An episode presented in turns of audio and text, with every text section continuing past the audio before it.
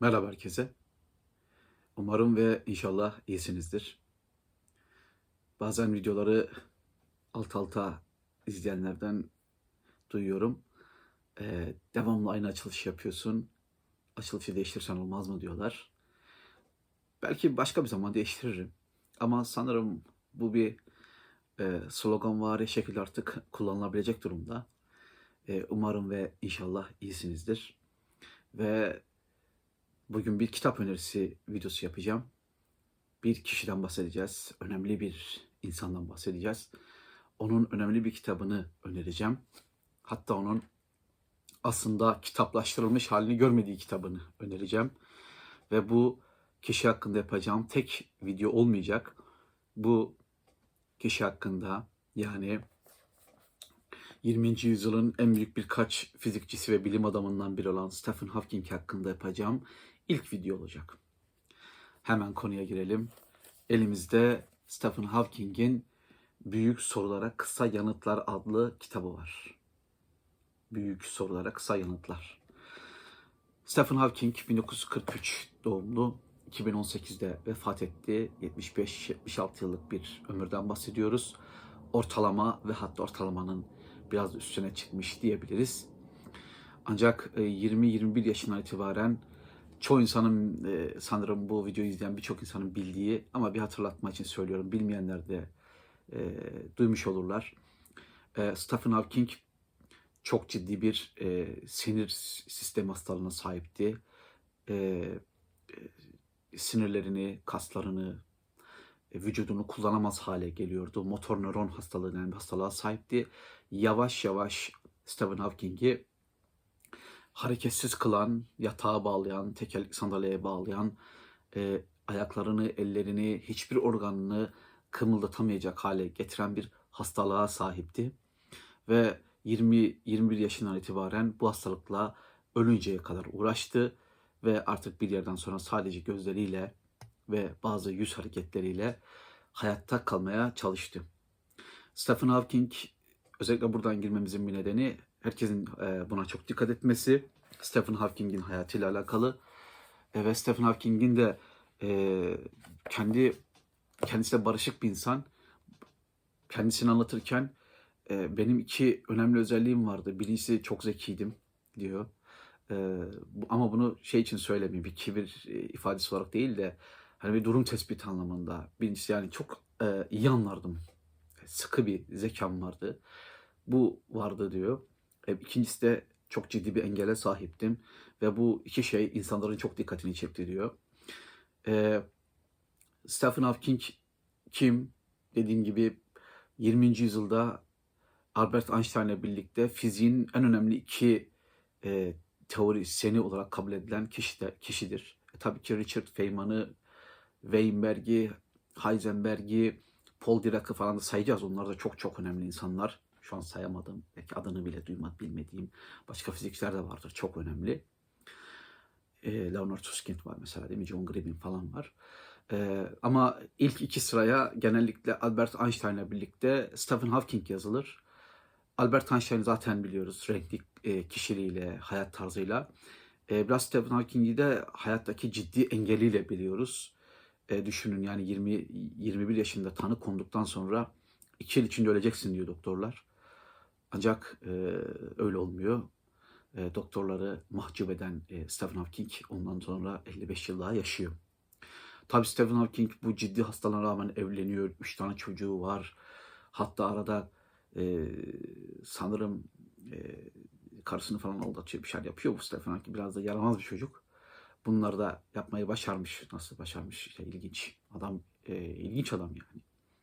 Ve bu Stephen Hawking dediğimiz kişi bu büyük fizik, teorik fizikçi e, bir kitap hazırlıyor ölmeden önce. Yani kitabı yazmaya çalışıyor. E, belli başlı temel sorular var. İşte kendisinin de ifade ettiği gibi dini konularda, e, dini konularında e, dinlerin de cevap verdiği temel sorular var. Bilimin cevap verdiği büyük sorular var. Büyük sorular sormayı hep çok sevdim diyor. Bu, bunlarla ilgilenmeyi hep sevmişimdir diyor. Peki büyük sorular ne? Burada hangi büyük soruları göreceğiz? Hangi büyük sorulardan bahsediyor? Tanrı var mı?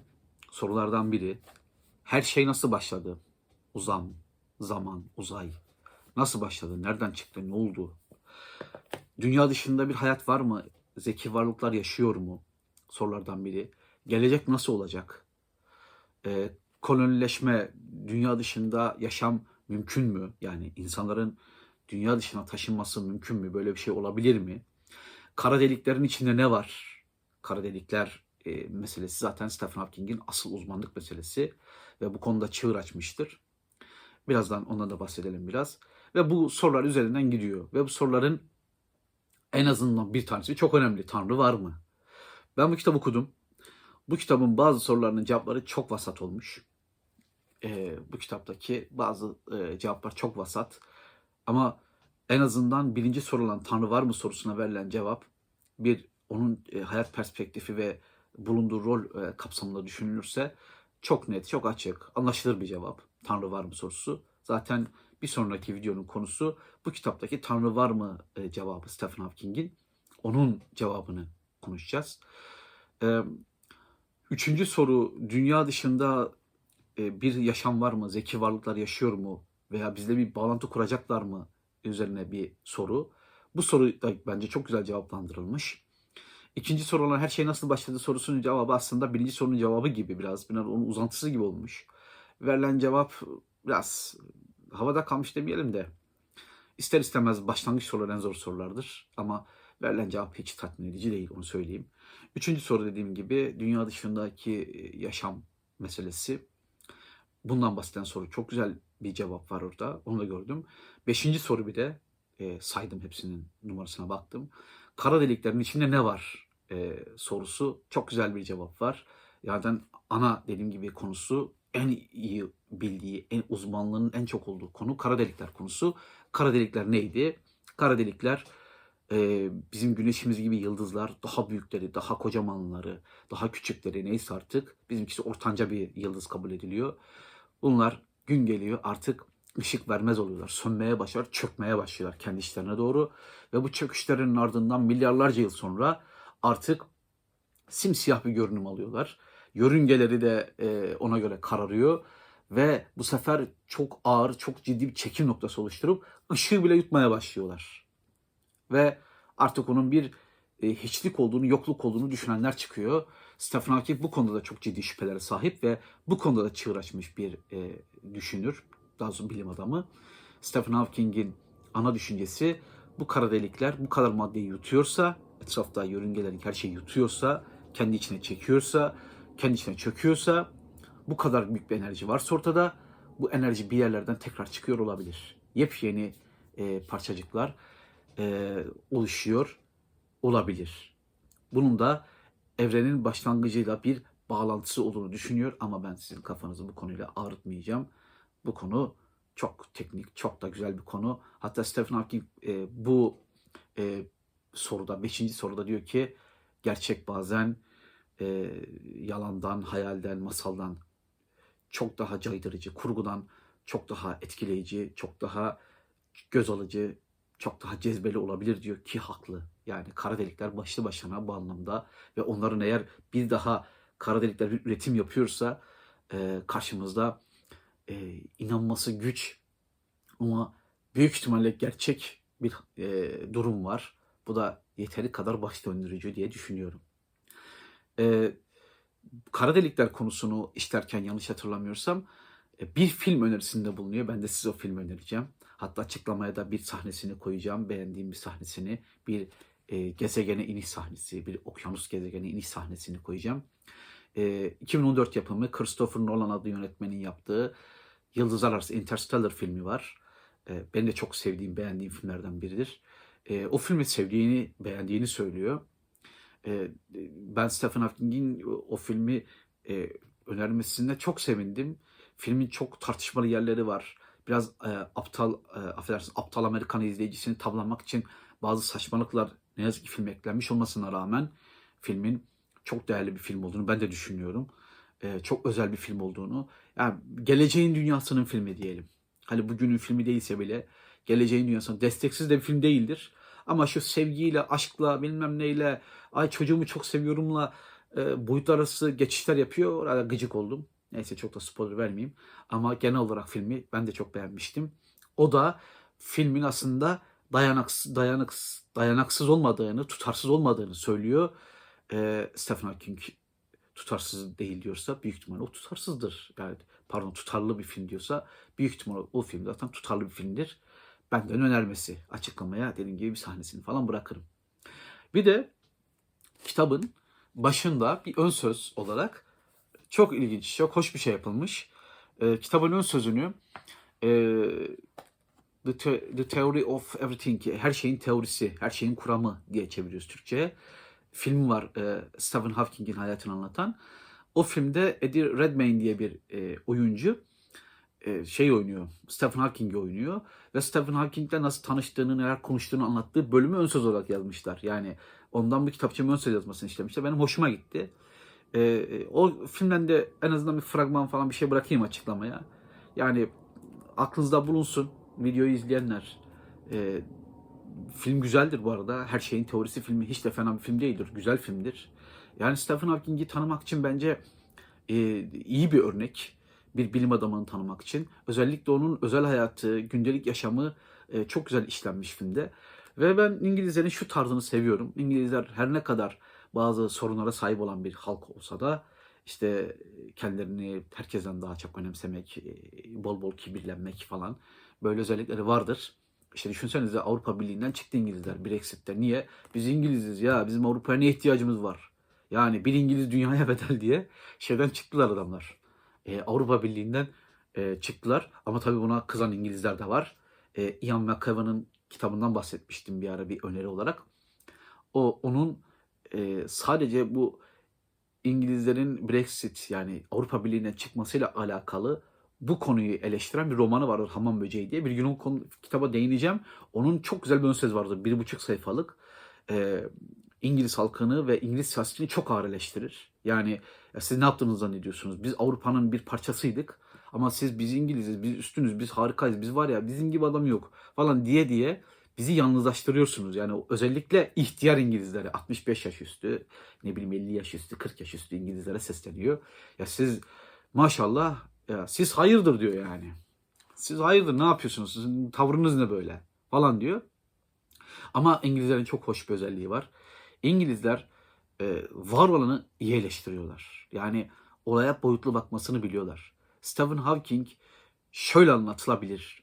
Böyle bir algı yaratılabilir diye. Stephen Hawking'in e, 70 yaşına kadar, 75 yaşına kadar muhteşem bir aile hayatı vardı. Müthiş bir aile hayatı vardı. Stephen Hawking e, çok fedakar, çok cefakar bir kadınla hayatı boyunca yaşadı denebilirdi. Ama e, filmin bir yerinde şunu görüyorsunuz ki bu gerçekle paralel e, bir yanlışlık yok. Stephen Hawking de buna e, bozulmamış. Stephen Hawking'in e, karısı aslında başka bir adamı seviyor yıllar içinde. Uzun yıllar sonra e, Hawking'den uzaklaşıyor. Hawking de ondan uzaklaşıyor. Hawking hemşiresiyle e, biraz yakınlaşıyor. E, filmi de var zaten. Ve e, kadın e, yani Jane Hawking e, eşi e, Stephen Hawking çok hasta olduğu için onu bırakmayı göze alamadığı için bırakmıyor. Ama hep sevdiği bir adam var. Yani uzun yıllar e, boyu sevdiği bir adam var. En sonunda Hawking'le ya artık bu iş olmuyor kardeşim sen yoluna ben yoluna dediğinde o da e, sevgilisinin yanına gidiyor. Normal şartlarda bu kadar ünlü bir e, bilim adamının, bu kadar e, aile değerlerine sahip bir halkın bu mevzuyu gündeme getirmemesi gerekirdi en azından filmde. Hawking de bundan pek rahatsız olmamış. E, epey medeni insanlar, onu söyleyebilirim. Epey medeni insanlar, bunu söyleyelim. Ama bunun gönül rahatlığıyla bir şekilde konuşulabilmesi bu insanları kaybettirmiyor, kazandırıyor. Bu insanların sahtelikten uzak, çok daha samimi insanlar. İnsan olduklarını gösteriyor. Yani insanların fikirleri değişir, insanların hayatları değişir, insanların hayata bakışı da değişir, her şey değişir. Bu benim filmde çok dikkatimi çeken bölümlerden biriydi. Yani normalde bu bölümü koymayalım. Hani Cem Yılmaz'ın filminde var ya işte maymun bölümünü çıkartın, maymun bölümünü koymayın diyebilir, diyebilirlerdi.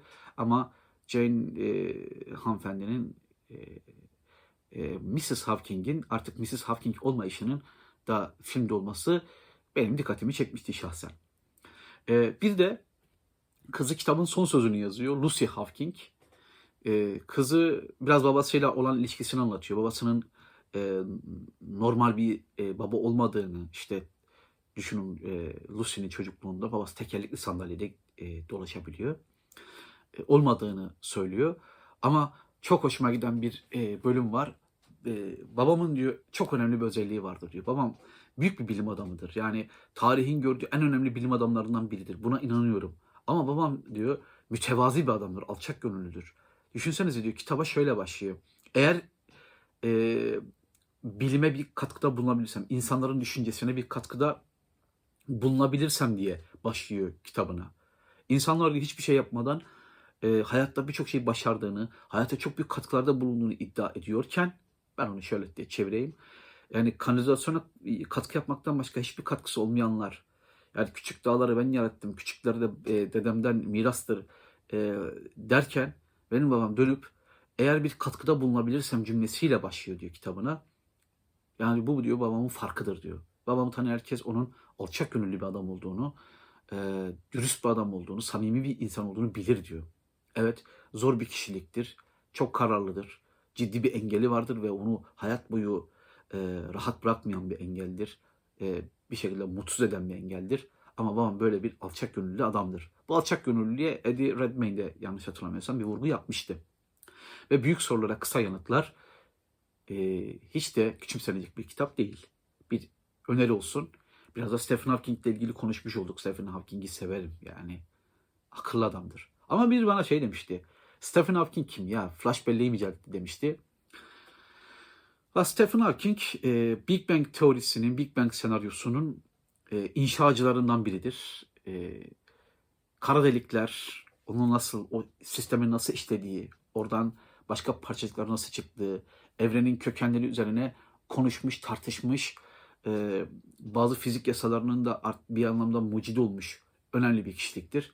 Ama bizi arkadaşlar flash bellek bekliyor. Bu flash belleği icat etti diyor. Hatta elindeki flash belleği göstermişti. An bir tane flash bellek olsa size gösterirdim buradan. Bu flash belleği icat etti demişti bana. Stephen Hawking kim ya demişti. Böyle adamlar abartıyorlar. Abartılıyor da olabilir. Bunu bilemeyiz. Yani sabahtan akşama kadar e, kutu programı Survivor izleyen adamlar Stephen Hawking'e flash belleği mi icat etti diye soru soruyorlar. Tabii şimdi kutu programı yok da hani başkaları var Survivor devam ediyor en azından. Bak Survivor izleyin sıkıntı yok da ya Stephen Hawking mevzuası açıldığında flash belleği mi icat diye soru sorulmaz. Ne tuhaf insanlar var ya. Bir gün bir tanesine de şey demiştim. Ya Leonardo da Vinci e, çok özel, çok akıllı bir adammış demiştim. O da demiş, demişti ki bana çok enteresan bu, bunun üzerine özellikle bir video yapmak lazım. E ben de onun kadar çalışsam ben de Leonardo da Vinci olurum demişti. Bazen ölmek istiyorum sayın seyirciler. Bu seviyesizlik ve bu düzeysizlik karşısında yani ne kadar cahilim. Keşke ölsem diyorum. Yani olacak şey değil. İnsanlar neler söylüyor. Nelere inanıyor insanlar, neler düşünüyor. Tuhaf tuhaf şeylere düşünüyor. Ya tuhaf şeyler düşünüyorsunuz. Stephen Hawking gibi tuhaf şeyler düşünün. Ne bileyim Tesla gibi tuhaf şeyler düşünün. Albert Einstein gibi düşünün. Yani zaman, mekan bükülüyor falan deyin yani. Delilik ama bu deliliğin dünyaya faydası var. Diğer türlüsü saçmalık, meczupluk. Kusura bakmayın aptallık. Stephen Hawking önemli bir adamdır. Bir kitap önerisi olsun. Büyük sorulara kısa yanıtlar. Birinci soru Tanrı var mı sorusu Stephen Hawking'in verdiği cevabı konuşacağım. Ee, buradaki bence en mühim soru olmakla birlikte en net cevap verilen soru kara delikler sorusuyla birlikte dediğim gibi Ee, konuya hakim e, üstadımız. Ama gerçekten başlangıç zor. Yani hakikaten başlangıçta ne olup ne bittiğine ne dair hakikaten ciddi problemler var. Bir de her şeyin teorisi şu demek bir anlamda anladığımı söylüyorum. Şimdi fizikçiler e, Albert Einstein'dan Stephen Hawking'e, Paul Dirac'a, Heisenberg'e, e, işte Richard Feynman'a fark etmiyor. Hepsinin bir hayali var. Yani fizik son bir kuramla açıklanabilir mi? Yani her şeyi açıklayan bir kuram, bir kanun bulunabilir mi? Bulunabilir mi? Bunun üzerine düşünüyorlar. Hawking de çok düşündü. Bulamadı tabii. Einstein düşünmüştü, bulamamıştı. E, belki bir gün bulur birileri. Ama birilerini bulabilmesi için önce birilerinin o kazı yapması lazımdı. Einstein'ın, Hawking'in, işte Dirac'ın, Feynman'ın e, o kazıları yapması lazımdı. Durun bakalım. Sicim teorisine çok güvenmişti fizikçiler. Şimdi konusunda pek ses çıkmıyor. Bakalım İsviçre'de bir şeyler dönüyor ama ne bulacaklar, ne diyecekler göreceğiz. Ben teşekkür ederim. Desteklerinizi beklerim. Umarım hoşunuza gitmiştir video. Umarım ve inşallah iyi kalırsınız. En yakın zamanda görüşelim. Selamlar, saygılar, tekrar buluşmalar ve konuşmalar. Görüşürüz. Görüşürüz.